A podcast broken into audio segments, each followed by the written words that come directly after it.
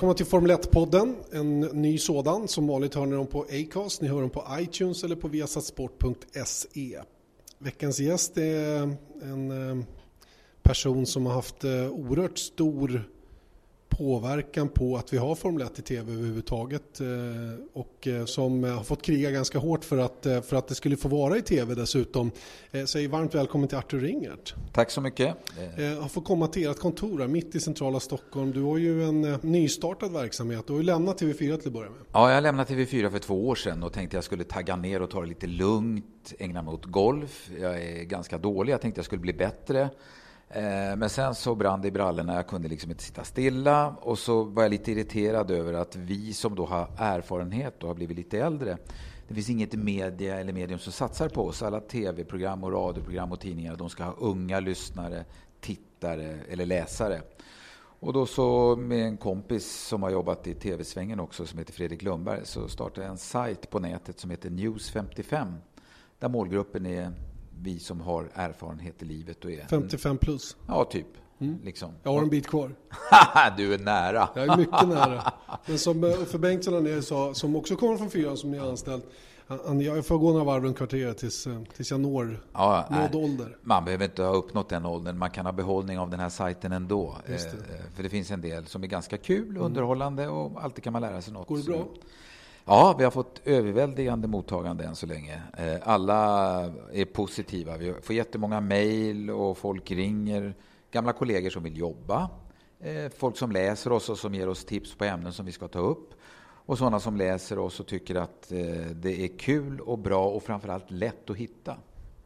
Och det tycker vi är kul. Det var reklamrutan då i denna podd för okay, News ja. 55, så nu, nu, lämnar vi den biten. Ja, nej, men det var ju smickrande inledningsord sådär va. Eh, jag vet inte i vilken utsträckning jag har bidragit till att Formel 1 är på TV, men den som definitivt har gjort det, det är ju Sven Berggren som sitter nere utanför Ängelholm. Just nu sitter han väl utanför Båstad. Sven är ju den som har varit med och hjälpt till och finansierat så att TV-kanaler har kunnat sända Formel 1 på min tid i början när jag var på Sveriges Television så var det Janne Svanlund som jobbade med F1. Janne var en öppen och jävligt schysst kille och jag kom ny på TV-sporten och fick jobba med Formel 1 tillsammans med Janne. Eh, och han tyckte, kom igen eh, och var med. Och så gjorde jag det och då sköttes en del av finansieringen externt. Va? Och Sven bidrog till att det kunde finansieras och sändas. Eh, sen så gick ju Formel 1 över till TV4. Jag var kvar på SVT, men när jag kom till TV4 94 då var det också delvis extern finansiering av Formel 1-sändningarna. Eh, och, eh, men sen slutade den och då ville jag jobba för att vi skulle behålla det. Så att eh, jag jagade sponsorer. Eh, jag kommer ihåg att Shell ställde upp, Bridgestone ställde upp och betalade. Sen så Eje hjälpte till också då, för Eje hade vi som expertkommentator. Och med Ejes hjälp så hittade vi något dataföretag i Värmland och någon mer som hjälpte till att betala för det fordrades pengar för att vi skulle kunna sända. Just det. Etadata kanske? Ja, stämmer. Mm, stämmer. Mm. Han är ju väldigt motorintresserad ägaren där, Torbjörn. Ja. Ja, det förutsätter någonstans... Formel 1 eh, sponsrar man inte för att man tror att det är bra business. Man sponsrar det för att man eh, gillar det med hjärtat. Va? Mm. Så det är någon form av eh, själslig sponsring. Va? Man gillar sporten och så vill man vara med. För att eh, jag är tveksam till om man får tillbaka pengarna för att man sponsrar. Hur, hur landade själva Formel 1 då på, på, på redaktionen på TV4? Nej, från början, TV4 köpte ju generellt rättigheter som man var intresserad av. Vill man ha fotboll eller vill man ha hockey eller någonting annat så betalar man det det kostar. Men Formel 1, nej, utan det, det skulle vara självfinansierat på något sätt. Så att eh, där fick, man, fick vi jaga pengar för att kunna sända det. Eh, och det, var ju, det handlar inte bara om att köpa rättigheterna, det kostar ju skjortan när man skulle vara med också. Om vi skulle ha en kommentatorshytt vid banan så kostade det någonstans runt 30-40 000 kronor då. Mm. Och då kan du tänka dig att hur billigt, mycket billigare det var om vi gjorde kommenterandet hemifrån, om man satt i något bås någonstans i TV-huset och kommenterade. Då var det inga resekostnader, inga hotellkostnader, eh, inga traktamenten och ingen kommentators, kommentatorsbox som skulle betalas. Så varje gång man var hemma så sparade man runt 150 000 spänn. Vilket också spelar roll. Va? Det är likadant fortfarande kan jag säga. Ja, grattis. Fast, fast dubbelt upp. Ja, skillnaden var väl att då hade vi inte tillgång till den här datafiden på samma sätt. Utan då var man ganska utlämnad ibland. Man var helt beroende av tv-bilden. Mm. Ehm, och sen så började ni då eh, sända Formel 1 på TV4 och ehm, eh, jag vet inte, du var inte med och kommenterade från början? Nej, det var Peppe som gjorde det. Peppe Eng? Ja, Peppe Eng. Jag kommer ihåg, jag satt i studion, när Senna körde ihjäl sig, vilket var tragiskt, då var det Peppe och eh, Eje som kommenterade. Jag satt uppe i kontrollrummet och var med då. Och då får man ju agera väldigt fort, för man visste inte hur, hur allvarligt skadan var. Hur ska man hantera det här? Ska vi bryta? Ska vi spela musik? Och hur, hur ska vi göra? Va? Eh, men det var Peppe som kommenterade, för då Formel 1 hade gått över till TV4. Jag var kvar på SVT. Sen när jag kom över till TV4 så blev jag också inblandad i Formel 1-sändningarna. Just det. Eh, hur var det då, att sätta sig och kommentera? Nej, men det var ju kul. Jag gjorde ju det på, på SVT också. Va? Jag var väl inte sådär lysande eh, kommentator. Jag tror att ska man kommentera och göra det bra så ska man ha en viss begåvning och talang för det. Den besitter inte jag på det sättet som de riktigt duktiga gossarna. Jag, nu ska jag inte smickra, men jag tycker du är jätteduktig. För jag var med och fick dig att komma över till oss, till fyran och kommentera. Eftersom jag tyckte att det behövs någon som, har, som kan det här lite bättre. Eh, så att, nej, men det var ju kul. Eh, men man når ju också en mättnad i allting. Har man gjort någonting, har man varit i Monaco 15 gånger och kommenterat Monacos Grand Prix, då står den upp i halsen. Då är man trött på att flyga, trött på att sitta i köer, trött på att hålla på och tjafsa om att få ut akkreditering, trött på att kommentera ett lopp där det inte händer någonting. Så det finns ju gränser också för vad mättnaden går. Jag, jag kan tala om det i Monaco, där vi, vi gjorde konsekvent så när vi var ute och reste att vi flög jättebilligt. Vi åkte Monkey Class. Va? Vi hade jättebilliga hyrbilar. Det var en liten Opel Corsa, men vi bodde på fina hotell. Där fick det kosta. Mm. Och i, i Monaco, då, då, hade de just något sånt här raffinerat som att när man skulle komma till Formel 1-tävlingen, då kunde man inte säga okej, okay, vi kommer fredag, vi åker söndag. Det kunde vi göra, men vi fick pröjsa från onsdag till och med söndag, för då har de något som de kallar Racing Weekend. Och så fick man pröjsa för det. Och då kanske ens ett rum där kostade, när jag höll på, runt 40-50 000 spänn mm. för en racing weekend för mig. Mm. Eh, och så skulle Eje med, då, kan du, då blir det ännu mer. Och, eh, och då, det var ju dyrt, men då ingick halvpension. Men jag vill inte ha någon halvpension. Nej, det måste du ha, för det ingår i racing weekend. Mm. Och efter att ha gjort det där ett antal gånger så blev man ju ganska trött på den där halvpensionen. Så man tyckte det skulle vara jävligt skönt om man kunde få gå ut och ta en pizza nu. Va? Och inte käka deras fyra rätter, för det står mig upp i halsen. Mm. Du, var, var, ni inte inblandade, var inte ett in, hade ni inte något inbrott där nere i Monaco? Jo, ni, bodde i någon, eh, ni bodde i något ja, hus? Eller jo, jo, jag kan berätta. Det var, det var, det var läskigt alltså. För, för att vi bodde Cap Ferrat innan du kommer in till mm. Monaco.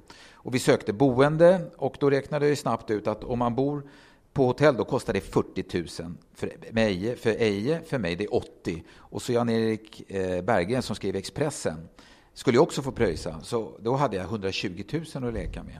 Då hyr vi ett jättefint hus med jättefin lägenhet. Så delar vi på kostnaden och den fick jag hyra för 50-60 000. Alltså spar både Expressen och vi pengar. Mm. Och så bor vi där. Så Jan-Erik fick bo högst upp och så bodde Eje och jag och så min fru som var med då på samma våning. Vi hade varsitt sovrum. Och vi bodde högt upp i ett hus. Överst vi hade takterrasser och grejer. Och det, var, det fanns bara ett sätt att gå in och det var genom huvudingången. Eh, och så ska Eje, eh, var det på torsdag eller fredag kväll, skulle han sticka över till Italien för att kolla på, jag tror det var Marcus som skulle köra något litet race där eller någonting sånt där. Han skulle kolla det. Så han drog eh, och lämnade fönstret i sitt rum på lite glänt. Det var alltså marginellt lite gränt och då ska du veta att det här fönstret låg sju meter ovanför marken, eller åtta, och så var det bara en eh, flat, eh, platt vägg. Va? Det fanns liksom inget annat. Så att eh, jag och min fru ligger och sover. Jan-Erik är inne i, Monaco, han är på Stars and Bars som är en eh, sån här eh, sportbar där mm. han hoppas att han ska få träffa andra svenskar som bor i Monaco, Stenis eller någon annan som han kan intervjua. Eh, och, så, och så vaknar jag på natten av att det är något som rör sig i rummet. Tänkte, eh, för, du vet, man vaknar till och så är det ingenting. Men det är någon som rör sig i rummet, va? i vårt sovrum vid sängen. Så jag bara flyger upp och så, det är någon i rummet, säger jag. Och så min fru flyger upp och jag flyger upp. Eh, och så försvinner den där skuggan bara. Jag tänder lampan, skuggan är borta. Jag sa, det var någon här, det var någon här, säger jag. Eh, nej, nej, nej, det kan inte. Och så går jag, jag går upp. Eh, och vet inte vad jag ska, för jag har ju inte någon pistol eller kniv eller någonting sånt. Är inte så mode då? Ja, jag, tog, ja, men jag, tog, så jag gick in och tog en städborste. Perfekt, funkar allt. Ja, man måste vara garderad. Och då går jag in i Ejes rum och där står fönstret på vid gavel. Och på sängen där ligger min plånbok uppfälld, min frus plånbok uppfälld, men kreditkorten är kvar. Så han har gått in i vårt sovrum, plockat grejer och lagt upp det där på sängen och bestämt sig för hur han ska plocka det sen. Va? Eh, eh, och eh, jag gick runt i huset och vi letade och slog upp alla fönster och dörrar för att kolla ifall det var någon där och tände lampor och skrek och höll på. Men det var ingen där, så det måste vara någon fasadklättrare alltså, som på något sätt har tagit sig in, eh, försökt att plocka grejer hos oss. Inte, han fick med sig min klocka som kanske var värd 1500 spänn eller någonting sånt. Men efteråt så tänker jag att det var tur att det bara var det och att det inte hände något när jag flög upp, för han kunde ju ha nitat mig. Man vet ju inte vad det är för typ som är inne. Det finns ju en uppsjö av roliga historier mellan, eh, som ni har varit med om genom åren, du och Eje Eld då, som är vår expert och som var expert då, ihop med dig och som ja. du värvade in då till till, eh, till TV4 då när fyran började sända på riktigt allvar. Jag tror att ni började redan 93 på våren va? Med ja, just första. det. Ja, eh, Eje höll ju på i eh, vad Körde sportvagn då va? Eller ja, ja, Le Mans, ja. något uh, sista race på Le Mans? Men Eje var ju, han var ju väldigt kunnig och väldigt duktig och hade stor respekt hos alla stall. Jag kan berätta. Eje och jag är på Magnicour, eh, kommenterar. Eh, och eh, längst fram ligger Schumacher och Coulthard sitter i en snabbare bil och vill ta sig förbi. Eh, eh, ja, exakt. Ja. Mm. Schumacher ligger och han blockerar hela tiden så Coulthard kommer inte förbi. och till slut kommer han förbi och då ger han Schumacher fingret. Va? Och då tycker jag att jag är väldigt lustig för då säger jag, ja, titta, det är precis som på Essingeleden, säger just. jag. och då, Eje garvar inte, utan Eje säger, där fick han för gammal potatis, säger Eje. och då tänker jag, det där lät lite fel alltså. Man säger, då säger, heter det inte gammal ost, säger jag, där fick han för gammal ost. Nej, säger Eje. Och då tänkte jag, ingen idé att hålla på med det här längre. Det är säkert lokalt Karlskoga som man säger så, tänkte jag. Och så lämnar jag bara den grejen. Det, det är typiskt när man eh, liksom tappar det det egentligen handlade om då. Eh, det här långfingret blev ju ganska blev ganska berömt eh, vad det led då. Det var mycket bilder på det där. Jag, jag kommenterade ju på den tiden parallella produktionen, den supersignalen som fanns. Och ja. Vi fick ju ännu bättre bilder på det eftersom det fanns mycket fler ombordkameror och sådana saker än världsfiden hade på den tiden. Eh, det här med att det har varit så svårt att få Formel 1 att fastna på sportredaktionerna, vad, vad, vad, tror du det beror på? För så är det ju faktiskt delvis fortfarande. De ser det inte som en riktig sport. Eh, det finns fortfarande den gamla, jag menar Bengt Grive sa att det fanns tre sporter han hatade. Formel 1, Formel 2 och Formel 3. De betraktar det inte som sporter utan de tror att det är materialet som gör allting, vilket är bullshit. Va? De fattar inte. Eh, och eh, det, sen handlar det också om att det är svårt för dem att förstå om man inte är intresserad. Eh, om det är samma förare som vinner hela tiden, då beror det på materialet, inte på att det är en skicklig förare. Eh, på min tid när det var som mest, va, då, då Senna kunde vinna med två, tre varv, då blev det ju relativt ointressanta lopp också. Va? Det är ju den här fighten man är ute efter hela tiden, då man kämpar om platser. Och missar man den, då, då blir det en... Vem bryr sig om det där? Det är mm. ungefär som om man vill att det ska hända saker. De jobbar ju med längdskidor och med jaktstarter och grejer för att det ska hända något. Men, men eh, på något sätt så måste man ändå som redaktör eller sportchef ändå ha någon slags ansvar till de som sitter hemma och har ett visst intresse. Jag, jag har många gånger varit fascinerad över det här hur svårt det är att, att penetrera just sportredaktionerna. Man, det blir på något sätt att man måste fightas internt inom sportens värld för att få någon slags berättigande för motorsporten kanske generellt? Då? Absolut, men jag tror att det är, motorsporten har lite sig själva att skylla också. För att det, det, som är viktigt är att det är lättbegripligt för de som inte begriper det. Så det måste vara Formel 1, värsta, det är det absolut värsta som finns inom motorsport. Vinner man det är man absolut världens bästa förare. Och sen så, de klasserna under måste också vara lättbegripliga. Det får inte vara en massa konstiga klasser hit och dit. Va? GT3 och mm. Formel 3000 och vad det nu är. Man måste ha en konsekvent linje och köra det så att det blir begripligt för alla att förstå. Mm. Då, blir det, då har man ett lättare case. Men samtidigt är det så här också att eh, det är inte alltid sportresultaten som är intressanta, vilket är märkligt. Eh, det är olyckorna som blev intressanta. Om det var en krasch, garanterat att du visar det. Eh, om det var någon som var nära döden, garanterat att det hände någonting av det. Va? Det var ju olyckorna nästan som drev sporten snarare, för att man, de som satt i bilarna och körde, de lekte med, med döden. Va? Och det var det som var det intressanta snarare än den idrottsliga prestationen. Eh, och det var, men så var det. Jag, kan ge ett annat, jag ska ge ett annat exempel. Du har ju själv kommenterat vet, och sändningarna kunde ju ta, de tar ju två timmar eller vad det är. Mm. Och det var någon som var överlägsen. Och det, var, det hände inte så mycket i loppen och då ska man ju fylla det med någonting vettigt att säga. Eh, och, då så, och då så såg jag då att eh, det, höll, det, var på Spa, Belgien. Och så såg jag att eh, det, det, var moln som kom in, tunga moln kom in. Eh, och då tänkte jag, fan det kan börja regna, bra.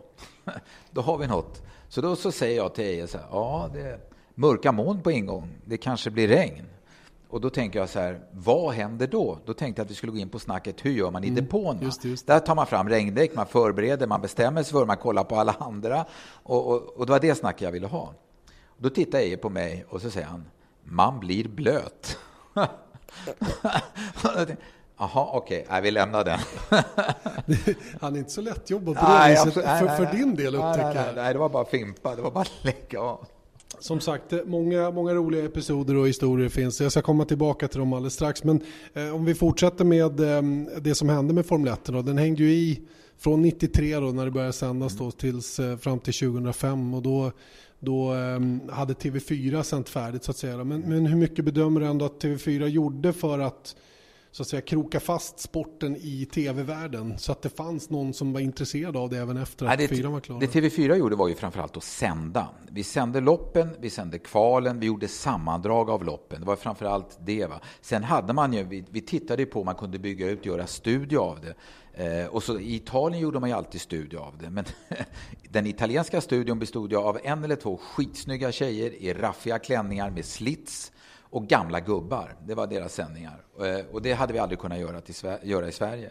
Och frågan är om underlaget fanns här för att göra det. För att göra studio och göra de här införprogrammen kostar ju också pengar.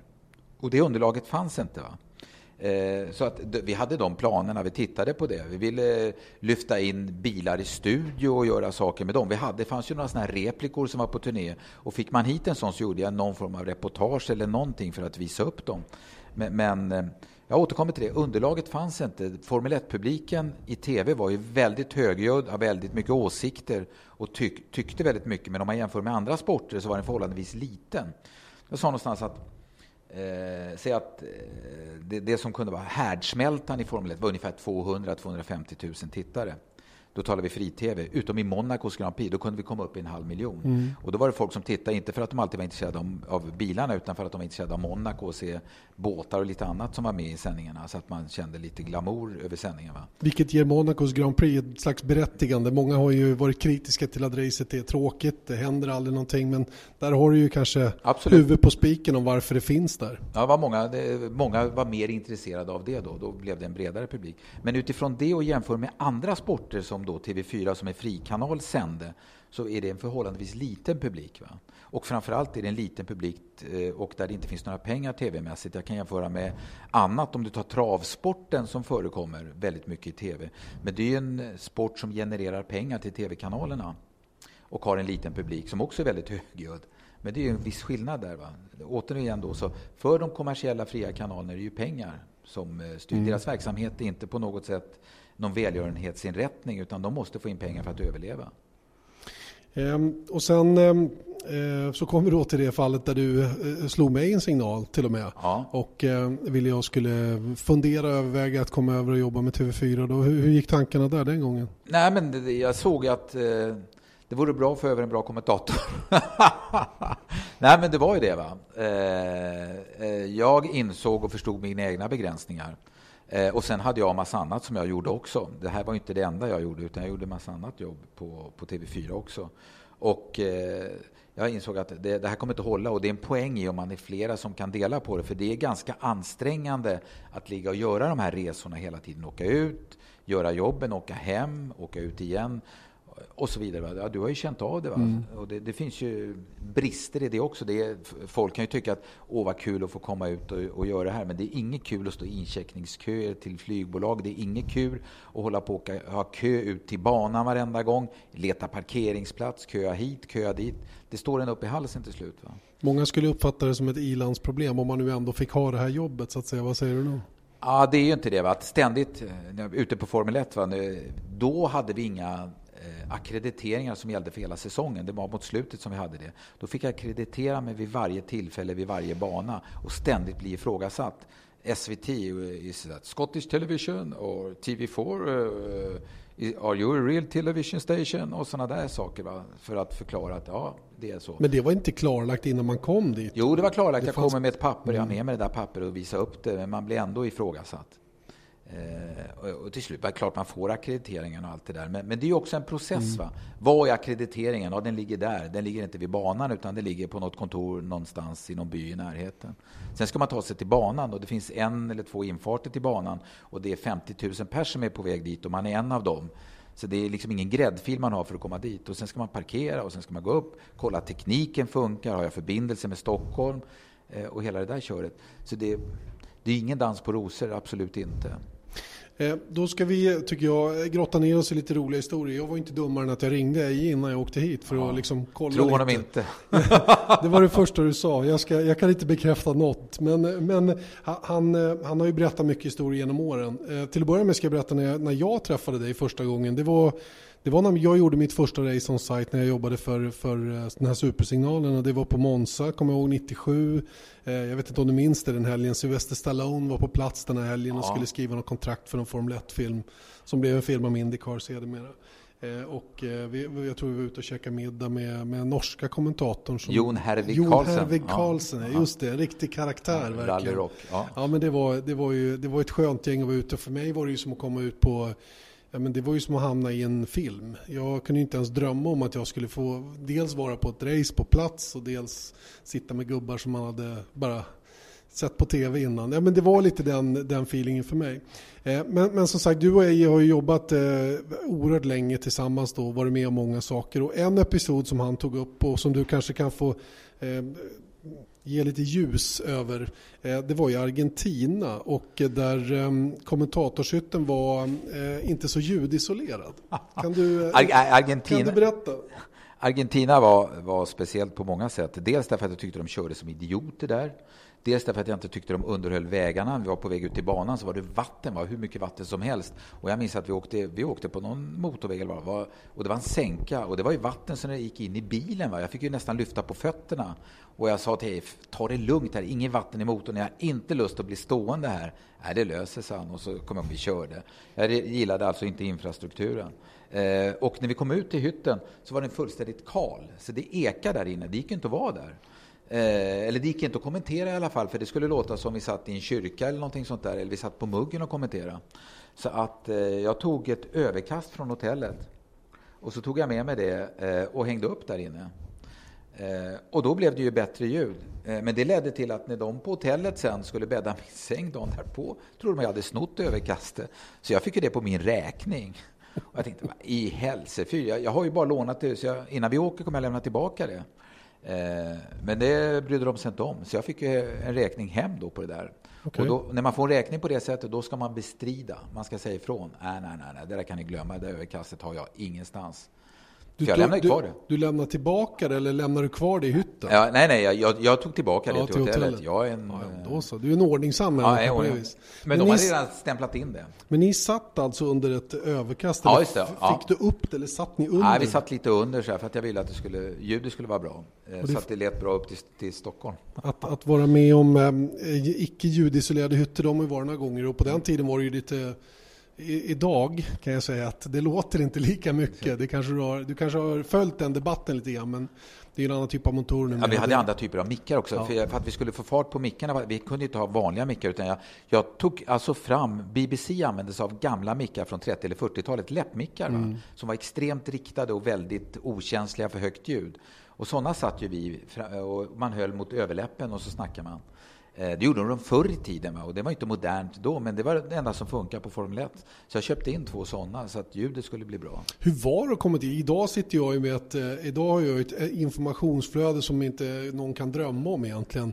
Med datafeeder, jag kan se var bilarna är på banan, jag kan höra radiotrafik om jag vill, lyssna externt på ännu mer än det som går ut i sändning. Det finns ju precis all Twitterkonton, rubbet. Ni hade ju ingenting på den tiden. Nej, det hade vi inte och det gjorde ju att det naturligtvis var svårare. Samtidigt så förlitade jag mig väldigt mycket på Eje, för han var ju experten, han som kunde allt. Jag fick liksom hålla koll på att vi hade förbindelse upp, vem som ledde, vem som låg två. För det fick man när de passerade mållinjen. Va? Då kunde man se ställningen. Mm. Eh, och så fick jag läsa på lite och som jag antecknade. Eh, men, men sen så i kombination med det här så gällde det att eh, den tekniska förbindelsen var ju inte alltid så himla säker. Och det gällde att ha en förbindelse och ha en lokal tekniker som såg till att vi var uppkopplade och föll ledningen, vilket den kunde göra. Det gällde att ha en reserv, så jag hade alltid en telefon i reserv i hytten. Eh, och eh, om den ringde under en sändning, då visste jag att då kunde vårt ljud ha fallit och då var det luren som gällde. Ah, okay. Så det var, det var man får ha backup va? Det ganska enkla medel. Ja, man fick mm. ha olika typer av backup så att man var säker på att man kom hem. Sen blev det ju annat. Sen blev det något ISDN som man kunde koppla upp sig själv. I början var man beroende av en ljudtekniker som... Jaha, okej, okay, så det var ISDN hade man inte från början? Nej, nej, nej. ISDN, om vi ska förklara det, är ju en digital telefon i stort sett ja. med, en, med en, en fast överföringshastighet hela tiden. Och det systemet har ju även jag använt i de flesta gångerna. Mm. Men nu har det faktiskt börjat gå över till IP. Nej, då, då, då var det, från början var det inte det, utan du måste ha en ljudtekniker för att få kontakt med studion i Stockholm. Och så okay. blev du uppkopplad och den kunde falla. Det var likadant med ISDN. Då kunde jag ringa upp själv och bli uppkopplad. Men då måste det också vara så att ISDN ska funka, måste jag ha en lina som är kopplad till hytten. Mm. Och den linan måste också vara klar och ren. Och det är inte alltid, jag menar Italien, det är inte alltid det är kopplat som det ska vara. Verkligen inte. Har tyvärr allt för många exempel ja, på när så, det inte har funkat. Då, då, får man ju rodda lite. Va? Då får man liksom gå på någon och då gäller det att vara klar att det här ska fixas nu. Mm. Nu, nu. Jag ska vara i sändning om tio minuter. Man måste liksom köra det racet för att det ska mm. hända något. Mm. Eh, en annan eh, lite intressant grej som, som har eh, snurrat runt lite grann bland folk som var faktiskt en sak som du sa. Jag vet inte om den är så snäll att ta upp den här egentligen. Oh, tar det. 1999 på Silverstone så körde ju Michael Schumacher av eh, nere i Stoke Corner. Ja. Han gick rakt fram och det slutade ju med att han bröt benet. Och ja. Diskussionen efteråt så hade du och Eje då ett prat om hur man skulle få ner farten på bilarna då. Och, eh, du kom på den briljanta idén att ha en vattengrav. Ja. Och jag har alltid undrat, jag tror att de flesta har undrat, hur kom du på den idén och hur men, tänkte du där? Nej, men sånt där händer. Eh, så tänker man, eh, det händer ju med bilarna också, att man mm. kan liksom fundera på, okej, okay, nu har de hittat på det här mm. och nu har de hittat på det här. Vad blir nästa grej som man ska hitta på? Och när en olycka händer så tänker man, vad kan man göra för att minimera skadorna vid en olycka? Mm. Okej, okay, då hade de en sandfolla och den var väldigt stor och väldigt mm. bred och den är bra. Ja, kan man ha vatten då? Har man testat det? Va, vad sa Eje när du frågade? Nej, han fnös väl bara föraktfullt. Jag tänkte, din dumma jävel. Fuck. Men, men, men, men, eh, Nej, jag vet, det var väl någonting som kom spontant. Då. Jag menar, det är mycket som rör sig i huvudet. Ibland så ska man... Och jag tyckte inte det var så farligt. Jag menar, du, det är ju väldigt lätt, det kan jag understryka, väldigt lätt, och det har jag erfarenhet från andra sporter också, att sitta hemma i soffan och vara expert och oh, kunna ja. allting. Och det är det enklaste av ha stenkoll på allting. Vilka ja, ja. dumma... Fattar de inte det? Ser de inte det? Har de inte koll? Vad är det för B-lirare de har skickat dit? Eh, det ser ju vem som helst och det, det är ju jättelätt att göra det. Va? Mm. Men om de sitter hemma i soffan och också blir bedömda för varje sekund de gör någonting mm. så är jag inte säker på att det skulle bli så högt betyg. Fick du mycket kritik under åren du gjorde det? Nej, både och. Det var ju många mm. som gillar det. Mm. Eh, men vad du än gör så finns det alltid några som inte gillar det man gör. Mm. Det finns alltid de som kan det här bättre och som tycker att man eh, gör någonting eller något fel. Men jag jämför ja, eftersom jag har erfarenhet från tv så vet jag att vad man än gör så får man kritik. Absolut. Och det är okej okay om kritiken är saklig och konstruktiv. Men om det bara är gnäll, då kan man liksom bara ja, borsta av personangrepp, vilket det ja, många gånger var, ja, vet jag ju också. Så här, det kan jag tycka det är trist, för då har man ju liksom inte... Det kan man bara borsta av sig och gå vidare, för det, det, tycker jag det är bara skitsnack. Mm, mm. Men konstruktiv kritik, det är bra, för det lyssnar man på, tycker jag. Och det är bra, för det är det man utvecklas av. Så mm. det har jag absolut ingenting emot. Och man måste ha högt i tak i sådana lägen. Ingen är fullkomlig. Verkligen inte. Eh, och man kommer förhoppningsvis aldrig bli det heller. Nej, nej. Eh, en annan grej som Neje tog upp som jag tyckte var lite rolig. Säg till Art att jag är fortfarande förbannad. Han skickade mig till Portugal. Jag skulle göra en intervju med Michael Schumacher sa han. Han hade aldrig gjort en intervju i hela sitt liv. Jag skulle göra någon grej med Bridgestone och med Schumacher där. Och, jag tror vi hade fått möjlighet att göra någonting med honom. Just det, ni hade fått en kvart eller någonting. Fått en kvart, var det inte via Shell tror jag som var sponsor? Det kan ha varit Shell, det kan ha varit Bridgestone, det ja. kan ha varit någon annan. Något sånt. Men det var ju ett helvete att få de här intervjuerna va? Eh, därför att eh, jag var ju med själv. När du är på plats på ett Formel 1-lopp eh, och du vill göra en intervju, då kan man ha med sig ett eget team hemifrån. Och jag har redan talat om att det kostar att ta med sig ett eget team. De kostar, och har man två eller tre gubbar med sig så kostar det resa, bil, hotell, traktamente, bla bla. Dessutom så skulle Bernie Ecclestone ha stålar för att man hade med sig ett team som var innanför och gjorde intervjuer. Så det kostar skjortan. Då var alternativet att hyra ett av Bernie Ecclestones team som fanns på plats. Som var ännu dyrare. Exakt. De kostar lika mycket mm. som ett svenskt team mm. kostar om dagen, kostade de i timmen mm. där nere. Okej, okay. då, innan du, då skulle jag få intervjua Schumacher. Eh, och då så eh, måste man faxa ner tre veckor i förväg. Hej, hej, I would like to interview och bla bla. Vilka frågor, de här frågorna vill jag ställa, det här ska vi tala om. Då får man tillbaka, bra du är välkommen, det och det datumet, du har slotten mellan 14 och 14 och 15. Den är din. Tack! Då ringer jag Eckelstons team och bokar dem. Jag behöver teamet från 13.50 och en timme framåt. Basta. Då är jag hemma med min intervju med Schumacher, mm. tror jag. Mm. Så åker jag och ställer mig utanför hans jävla motorhome och väntar på att han ska komma ut då. Inte fan kommer han. Klockan hinner bli 14, hinner bli 14.30, 15. Mitt team står där och tittar på mig. Okej grabben, ska du ha en timme till? Och tickar bara. Exakt. Jag tar en timme till. Han kommer ut, vid 16-tiden kommer han ut. Och då har det liksom ett antal andra team också dykt upp som har slottar. Så där står jag och ska brottas med 6-7 team från hela världen som alla tror att de har, ska göra en exklusiv med honom. Det blir ju inte det, utan fram med micken och försöka få någonting ur honom. Och ställa, han jag ställa en eller två frågor? Alla var ju på och bara slängde ur sig frågor. Det blev ju bara snömos av hela skiten. Va? Och så gäller det att klippa ihop någonting och göra någonting bra av det. Och då, och så här, aldrig mer, aldrig i helvetet att jag gör det här en gång till. De här förarna kan ta sig i brasan. Va? Bortskämda snorungar. aldrig. Så ni löste någon egen liten variant då, där, ehm, ja, där Eje fick dra till ja, Portugal? Man fick en möjlighet och det inte var där alla var där. Då var det ett sätt att göra på. Men vi blev, under min period så blev vi ju erbjudna eh, snack från stallen eh, med deras förare där de talade inför varje lopp. Eh, om, men jag valde bort det konsekvent därför att det var bilmärken och andra sponsorer som Hej eh, Mercedes, jag har, vi har en grej med den och den som ni kan få snacka med. Och bla. Men de har inte satsat några pengar hos oss. Så då sitter en förare där i Mercedeskläder eller vad det nu är. Eh, och så ska, jag, ska vi sända det med dem utan att vi får några pengar in på det. Då tänkte jag, nej, fuck off. Vi, för att vi ska kunna sända så måste vi ha kulor in. Och inte ni villiga att pröjsa, då skiter vi i era förare. Mm, mm. Och det var ett val som vi gjorde det är konsekvent bara rätt av. Gick det att använda något av det jag gjorde? Vi var lite osäkra han och jag om, om jag hade sett något han har gjort eller inte. oh, jag är övertygad om att det gick. du, du, kommer alltså inte ihåg Nej, jag kommer inte ihåg det.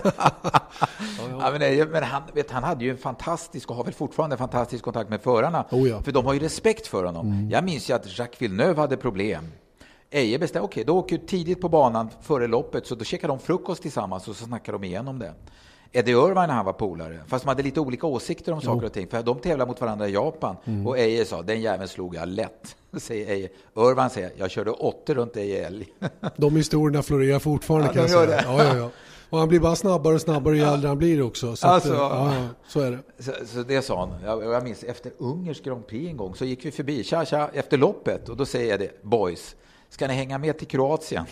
Har en kärra som står på flyg, flygplatsen. Den går om en timme. Häng med för fan. Och jag bara tittar på er. Vilken värld lever vi i? Kroatien om en halvtimme? Äh. Ja, men det är som sagt det, det, är helt fantastiska historier. Ni har, ju, har du någon episod om Eje sådär som du kan dela med åt andra hållet? Som, eh... Ja, men eh, dels det fanns en kille eh, som var med oss, var det Monaco eller vad det var? Eh, vi hade ju billiga hyrbilar. Mm.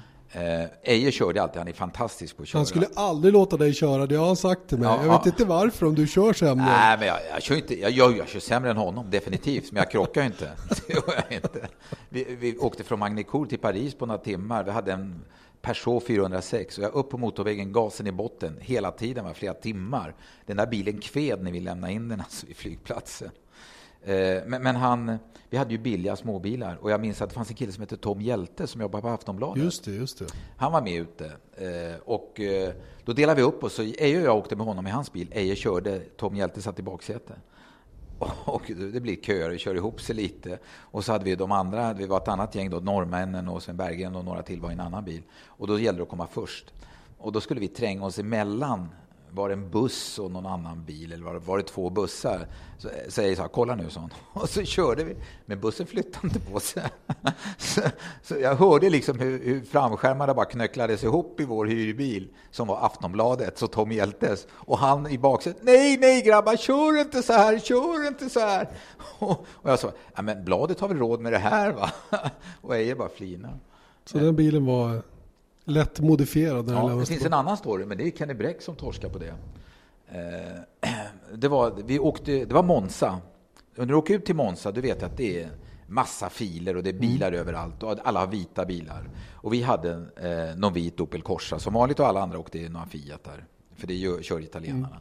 Och så var Kenny Bräck, han hade egen bil. Kenny skulle ut till banan, så han låg före oss hela tiden. Och så kommer vi, det blir stopp. Va? Och då säger Eje till mig, kolla nu, nu ska det vara lite kul här. Så åker han fram till Kennys bil och så puttar han på den bakifrån. Så där. Vet, när man står så här står man inte på bromsen. Nej, nej, nej. Så han rullar in i bilen framför. Och, då så, och så gjorde vi konsekvent hela tiden. Vi rullade lite och så fram och så puttade vi på honom. Så han var ju tvingad att stå på bromsen hela mm. tiden. Så när vi kom ut till banan sa han, fan vad ni är löjliga. Han hoppade ur bilen. Vad ni är löjliga. Måste ni hålla på så här? Det är så larvigt. Och jag tyckte det var jättekul och Eje bara fnittrade. Och sen så när loppet är slut, allting är klart, då ska vi tillbaka till hotellet och då ska Kenny också in. Och så säger vi, okej då, först till hotellet säger vi, in i bilen och så drar vi. Och vi, i, i Milano bodde man ju på någonting som hette Michelangelo kanske? Exakt, mm. vid, vid, vid centralstationen. Det är, for, det är fortfarande samma, nästan. Ja, vid centralstationen där. Och, och, och, då kommer vi dit. Eh, ingen Kenny. Eh, vänta, en kvart, ingen Kenny. Halvtimme, ingen Kenny. En timme, ingen Kenny. Sen seglar han in. Vad fan tog du vägen? Vilken väg tog du? Då hör han, äh grabbar, jag trodde ni var i bilen framför mig. Oj då. Han hade stött på någon eh, italienare som inte uppskattade hans bilkörning. Att han försökte knuffas lite? Exakt. Okej, okej. Så kan det gå. Att man eh, blir luggad på det viset. Ja, men som sagt, sköna historier från, eh, från åren när ni, när ni två jobbade tillsammans. Eh, hur mycket följer du Formel 1 idag? Jag kollar då och då, jag kollar när jag kan. Jag har ju, det finns en funktion som Viasat har som jag tycker är skitbra, det är Viaplay. Mm. Så jag och mina grabbar som också är jätteformel 1-intresserade eh, tittar på det och då har jag med mig det datorn.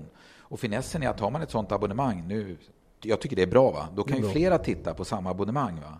Så jag har ju med mig den när jag, är, jag har ett ställe på Gotland, så jag följer upp där och kollar på loppen. Och mina grabbar kollar på loppen, så, vi, så jag följer ganska ordentligt. Mm.